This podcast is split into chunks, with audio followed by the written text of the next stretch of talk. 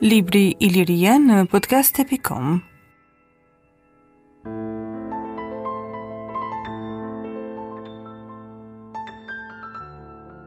Zbulimi i qytetit ilir Dimal nga Burhan Dautaj.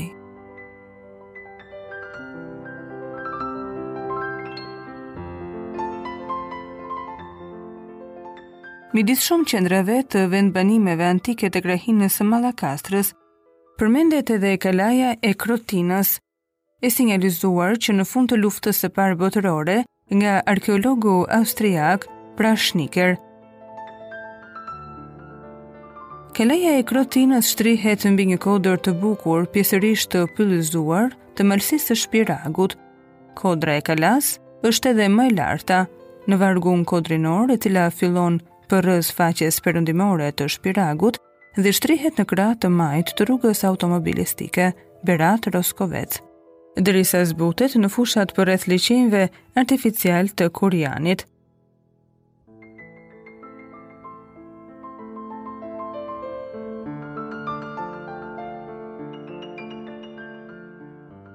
Nga lindja dhe jugu, Kalaja ka përkundrejt fshatrat Bistrovicë dhe Allambrez, dhe e veçojnë prej tyre përroi i Qarëzit dhe ai i Allambrezit.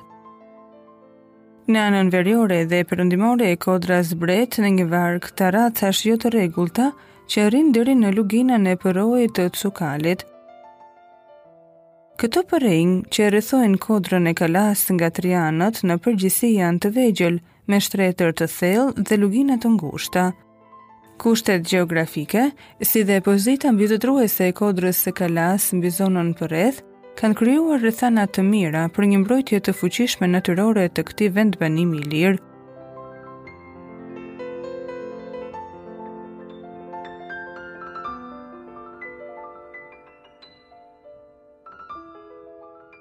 Kalaja e Krotinës, emrin e ka marrë nga lagja me të njëjtin emër e fshatit Allambrez, lokaliteti Kutali, Berat, që shtrihet përbri faqes jugperëndimore të kodrës.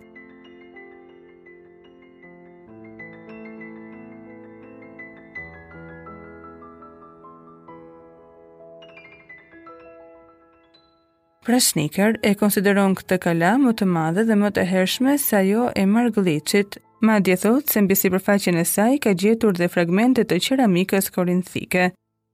Ai flet gjithashtu mbi shtrirjen e qytetit dhe të Akropolit, duke e shoqëruar këtë me një skicë ide të rilevimit topografik të kodrës, ku ai bën përpjekje për të vendosur dhe planimetrinë e murit rrethues, gjurmët e të cilit ruhen ende aty këtu mbi tokë.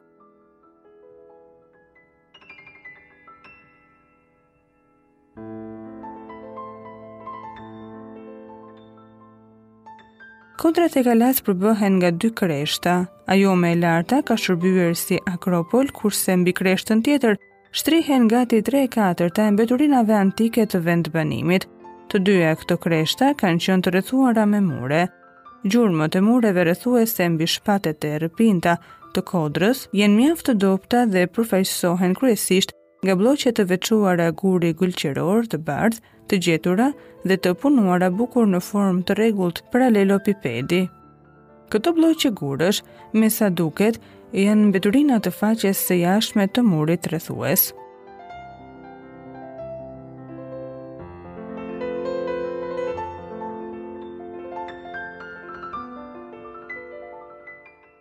Duke parë rëndësinë e madhe që paraqesin mbeturinat antike të qytetit ilir të Krotinës gjatë viteve 1963 dhe 64, u ndërmorën gërmime të rregullta arkeologjike, të cilat u përqendruan kryesisht mbi kreshtën e Akropolit, që në krahasim me pjesën tjetër të qytetit paraqitej më pak e prekur nga punimet bujqësore.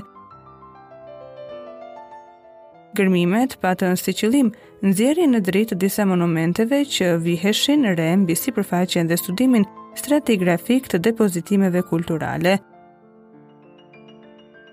Zbulimi më i rëndësishëm i këtyre dy viteve qe ai i katër vulave të fragmentuara që mbajnë emrin e qytetit ilir Dimal, vula të cilat janë vendosur mbi sipërfaqe të sheshtë të tjegullave helenistike, ato me plotësimet që i bëjnë njëra-tjetrës na japin emrin Dimal.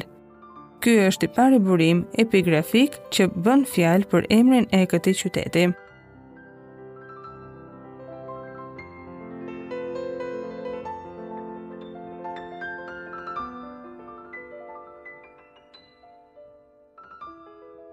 Dimali ka luajtur një rol të rëndësishëm në ngjarjet historike të ilirëve të jugut në shekullin 3-2 para erës sonë. Emri i qytetit shoqërohet edhe nga katër monograme të cilat ka mundësi të paraqesin emrat e prytanit dhe atë të qeramistit në formë të shkurtuar. Burimet e autorëve antikë që flasin për Dimalin janë mjaft të kufizuara dhe të gërshetuara me disa nga ngjarjet më të rëndësishme të luftërave ilire romake dhe maqedone romake. Kështu Polibi dhe Livi, duke bërë fjalë për luftërat e vazhdueshme të kësaj kohe që zhvillohen në truallin e sotëm të Shqipërisë, nuk mungojnë të përmendin disa herë me radhë edhe qytetin ilir të Dimalit. Dhimitër Fari, tutori i mbretit të mitur Pines të Ardianëve, pushtoi rreth viteve 220-219 para erës sonë Dimalin dhe vendosi atje një garnizon të tij. Por në vazhdim të këtyre ngjarjeve, qyteti i Dimalit përmendet edhe si një qendër me pozitë strategjike dhe fortifikuar mirë. Është e vështirë të nxjerret nga këto lajme ndonjë tregues i saktë topografik që do na shërbente sadopak për lokalizimin e qytetit ilir të Dimalit. I vetmi shënim që mund të nxjerrim nga këto autorë është të vendosurit e Dimalit të parthinëve Pra rrjedhimisht mund të konsiderohet si qytet që ndodhej në afërsi ose në truallin e këtij fisi. Ky mendim është shprehur edhe më parë nga arkeologu Ceka, i cili duke krijuar shtrirjen e parthinëve me mbeturinat antike të kalasë së Dorëzit në jug perëndim të Tiranës. Zbulimi i katër tjegullave me vulën e Dimalit na ndihmon para së gjithash për lokalizimin e këtij qyteti në mbeturinat antike të kalasë të Krotinës.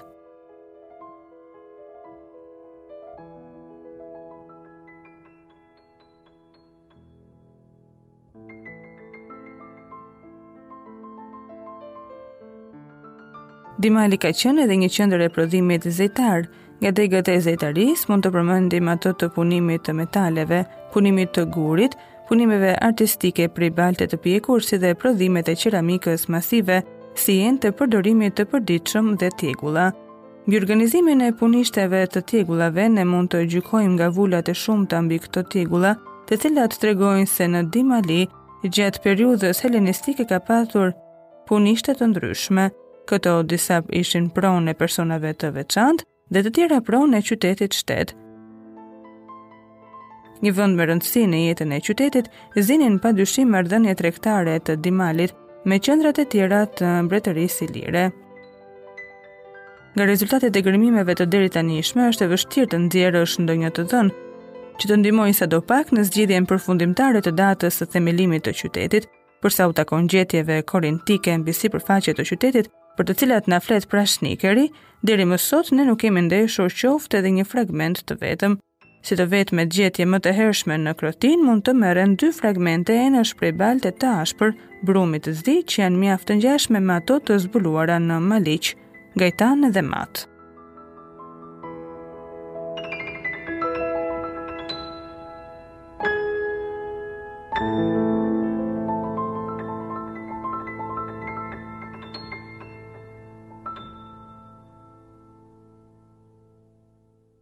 Libri Iliria në podcast.com